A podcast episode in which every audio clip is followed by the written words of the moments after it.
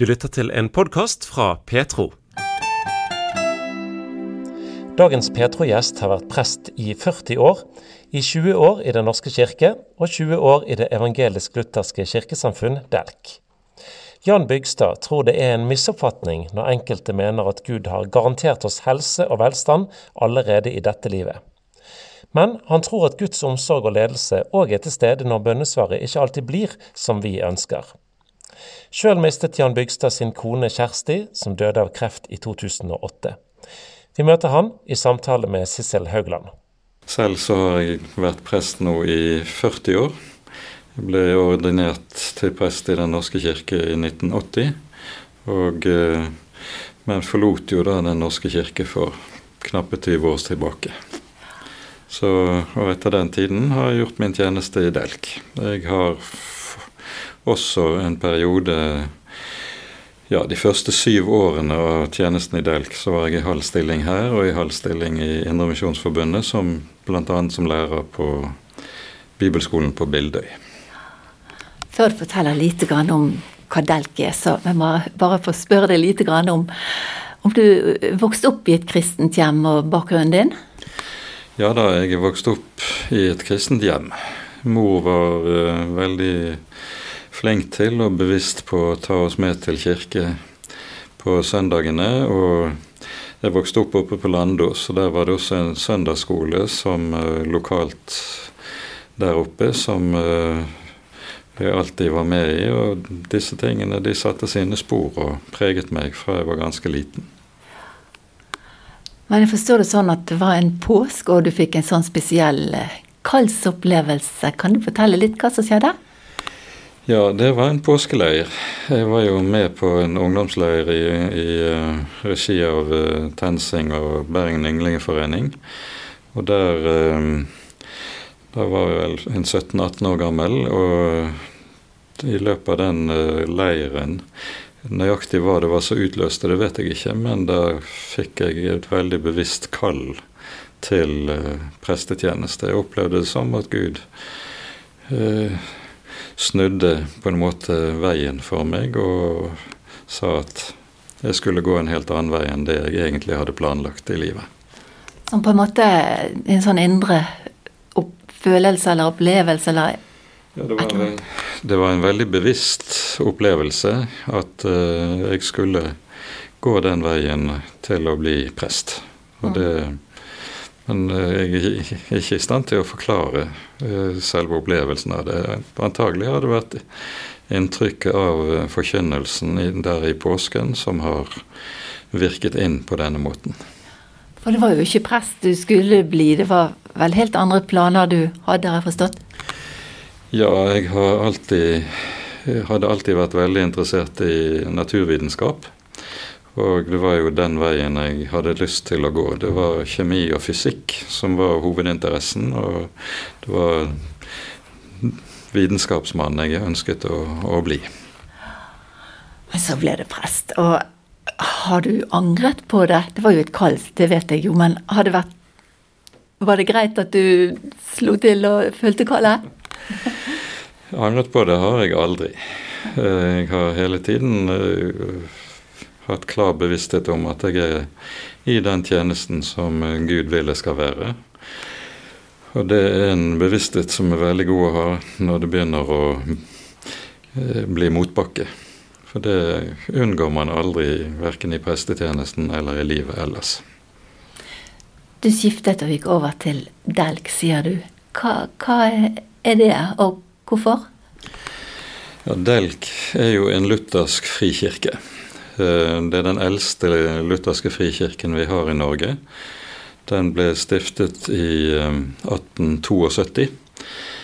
Eh, eh, og har per i dag elleve eller tolv menigheter spredd omkring i landet. De fleste er på Østlandet, men Bergen menighet ble da lagt til for snart 20 år tilbake. Og eh, et par nye menigheter har også kommet til i løpet av disse årene.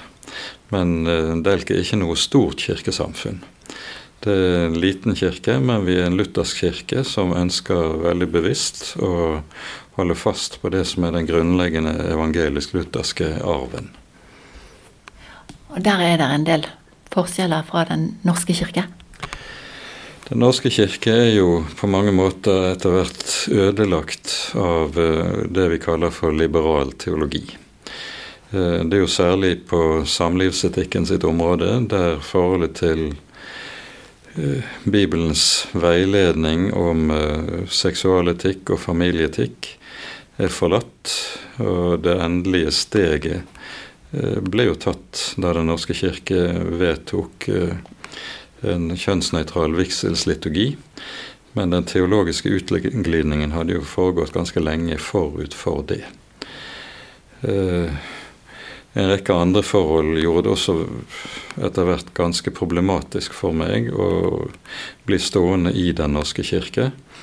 Eh, ikke minst det at eh, Den norske kirke i større og større utstrekning løste forpliktelsen på den lutherske bekjennelsen, slik så langt jeg kunne vurdere det. Sjelesorg det er jo en viktig del òg av yrket. Men for noen år siden så trengte du vel gjerne sjøl sjelesorg. Du kom i en voldsom vanskelig livssituasjon. Ja, du sikter vel til eh, denne tiden der uh, min kone ble syk, og jeg til slutt mistet henne for litt over to år tilbake. Eh, hun fikk eh, kreft som eh, etter et par operasjoner som hun var igjennom, viste seg å være uhelbredelig. Og et halvt år før hun døde, da visste vi jo hvilken vei det var, bar, begge to. Det var en ganske tung tid, som det sier seg selv. Vi hadde jo hatt 42 år sammen som vi Gode år som vi fikk sammen. Og eh, det var ingen lett ting å skulle skilles ad den dagen han døde. Men eh, både barna og jeg eh, var sammen og satt hos henne hele den siste tiden, og det var en eh, veldig god tid midt oppi at det var veldig vondt også. Mm. Var det mange som ba for dere i den tiden? Å ja da, det, det, var det så ubetinget. Både venner rundt omkring i landet og ikke minst i, i eh, menigheten her. Så ba, var det mange varme hilsener fra de som ba for oss. Mm. Men bønnesvaret blir vel gjerne ikke alltid sånn som vi ønsker? Nei, eh, det ble det ikke. Vi hadde jo bedt om helt fra starten av når hun ble syk, om at hun skulle eh, bli frisk og få helsen tilbake. Slik gikk det ikke. Eh, Herren hadde tenkt noe annet med henne. Tiden for hennes eh, hjemkomst var kommet. Og så fikk vi da denne tiden med, som var nokså kampfullt før hun døde. Men eh, Gud gjør ikke alltid det vi ønsker og ber om. Eh, jeg pleier ofte å si når jeg får spørsmål om det, at når vi ber, så eh, kan Gud gi tre ulike svar. Han kan gi ja, han kan gi nei, og han kan si vent. Og det er på samme måten som foreldre ofte må svare barna sine når de ber om et eller annet. Ikke alt barna ber om som er like bra at de får. Av og til er det kanskje gode ting, men de må vente på det. Og sånn er Gud en far som tar seg av oss som barn også. Så du fikk ikke noen sånne anfektelser i forhold til tro, i forhold til Gud, i forhold til ja, bitterhet, sinne eller frustrasjon? Hvordan? Hadde du noen tanker der? Nei, verken bitterhet eller anfektelse skapte dette hos meg. Eh, jeg er såpass eh, grunnfestet i denne lutherske evangelieforståelsen at eh, sykdommen og Kjersti sin bortgang voldte meg aldri anfektelse. Det er grunnleggende i, både i Bibelen og i luthersk tro at her i verden så lever vi under korset. Og Det betyr at motgang og trengsler det er en del av det man må regne med som vilkårene i det kristne liv. Eh, derfor så, så eh, verken har det forbauset meg eller overrasket meg at vi måtte gjennom dette. Det var tungt. Det skal ikke legges, settes under eh, en stol.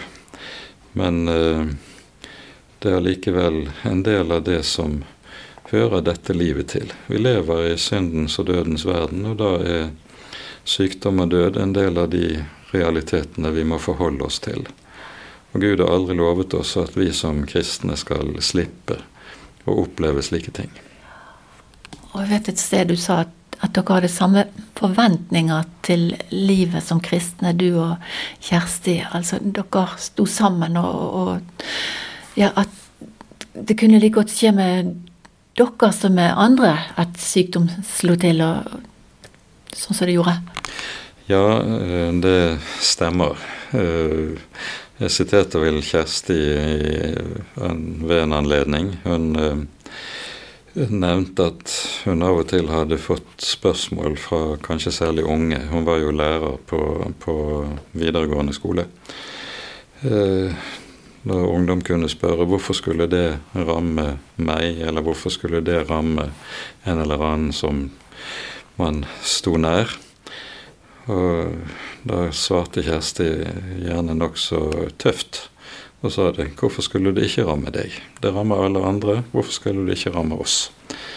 Um, for sånn er livet her i vår verden. Og det, det er å lukke øynene hvis man tror og innbiller seg at man skal gå fri fra slike ting.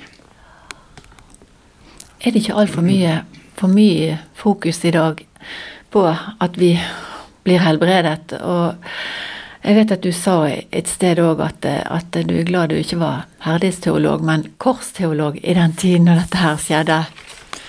Det stemmer. Det, det er jo en, en jeg vil si en avvei innenfor mye av særlig karismatisk teologi, der man eh, nærmest lover mennesker mer eller mindre uten forbehold helbredelse, bare de tror nok og bare de ber nok.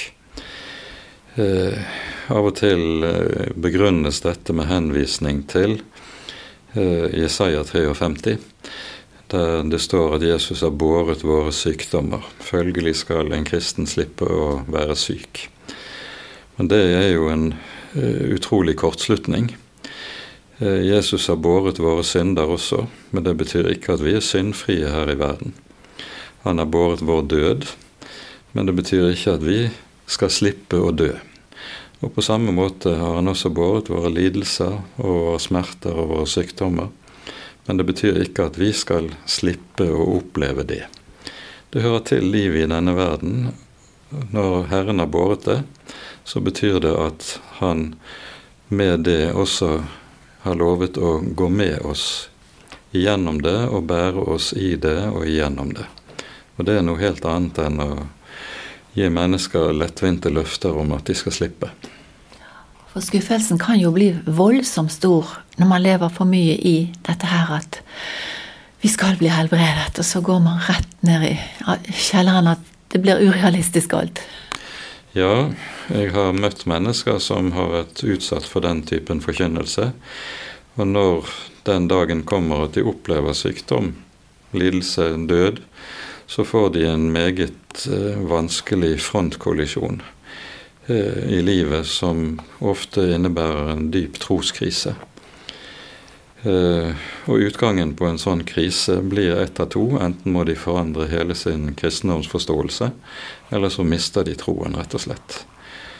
Og det er jo dette som er det verdifulle med evangelisk-luthersk tro, der korsteologien er så grunnleggende det er at her har du en tro som ikke lover deg lettvinte løsninger, men som peker på at Herren er en som kan bære med deg gjennom onde dager, og være like som han også kan være hos deg i de gode dager.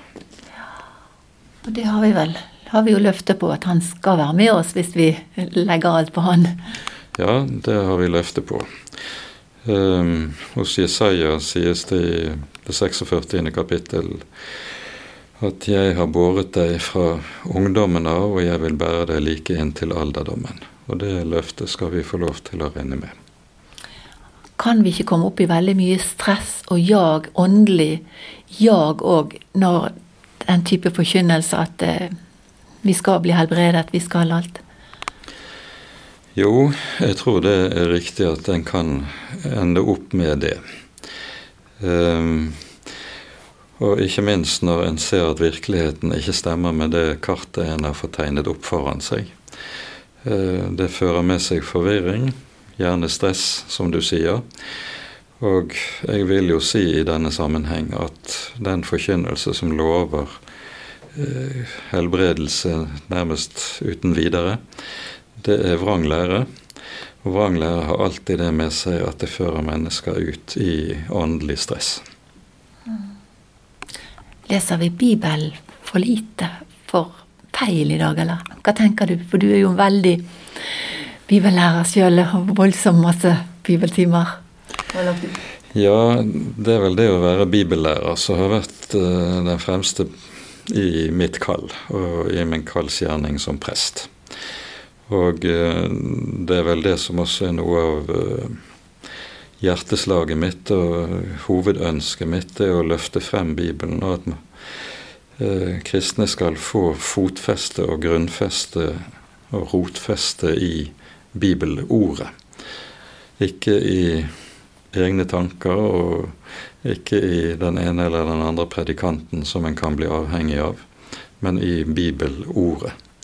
For har du rotfeste i bibelordet, da har du rotfeste i Herren selv. Mm. Er det noen spesielle bibelvers eller stykker fra Bibelen som har betydd mye for deg gjennom denne tøffe tiden du har vært i nå med Kjersti? Det var jo flere bibelord som kom til å være viktige. En av de Et av hovedordene, som vi også leste mer enn én en gang ved sykeleie, det var Salme 121. Jeg løfter mine øyne opp til fjellene. Hvor skal min hjelp komme fra? Min hjelp kommer fra Herren, himmelens og jordens skaper. Mm. Herren er din vokter, Herren er din skygge ved din høyre fond. Se, han sover ikke, han slumrer ikke, Israels vokter. Det er en fantastisk salme å ha med seg når dagene blir tunge. Mm. Det holdt. Og du har òg skal få møte henne igjen. Ja, vi har løfte om å få møtes igjen en dag i oppstandelsen. Og det, det er jo en del av det vi også skal få lov til å se frem imot når vi har det kristne håp. Mm. Så, du har, så, du har, aldri kommet inn i troskriser sjøl, sånn generelt? Eh, ikke pga. slike ting. Det, troen er jo aldri uten kamp. Eh, man kan ha sine ting å stride med rent intellektuelt. Eh, særlig hvis man er litt sånn teoretisk anlagt. Eh, da får man ting å bakse med på det området. Eh, og du kan få ting å bakse med i forhold til tjeneste eh, og arbeid for øvrig.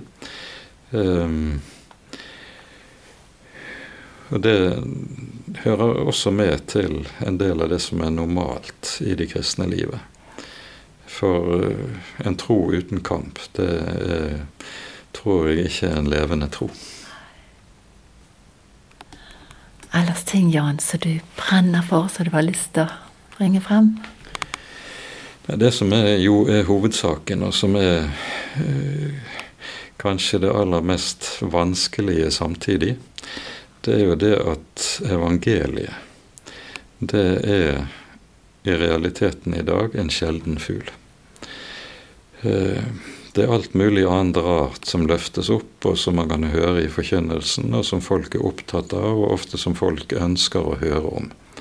Men selve evangeliet, om hva vi eier i Jesus, om hva frelsen innebærer, og hva Kristi blod betyr for oss, det ser ut til å veldig ofte å komme i bakgrunnen til fordel for alle de mer eller mindre viktige saker som mennesker er opptatt av.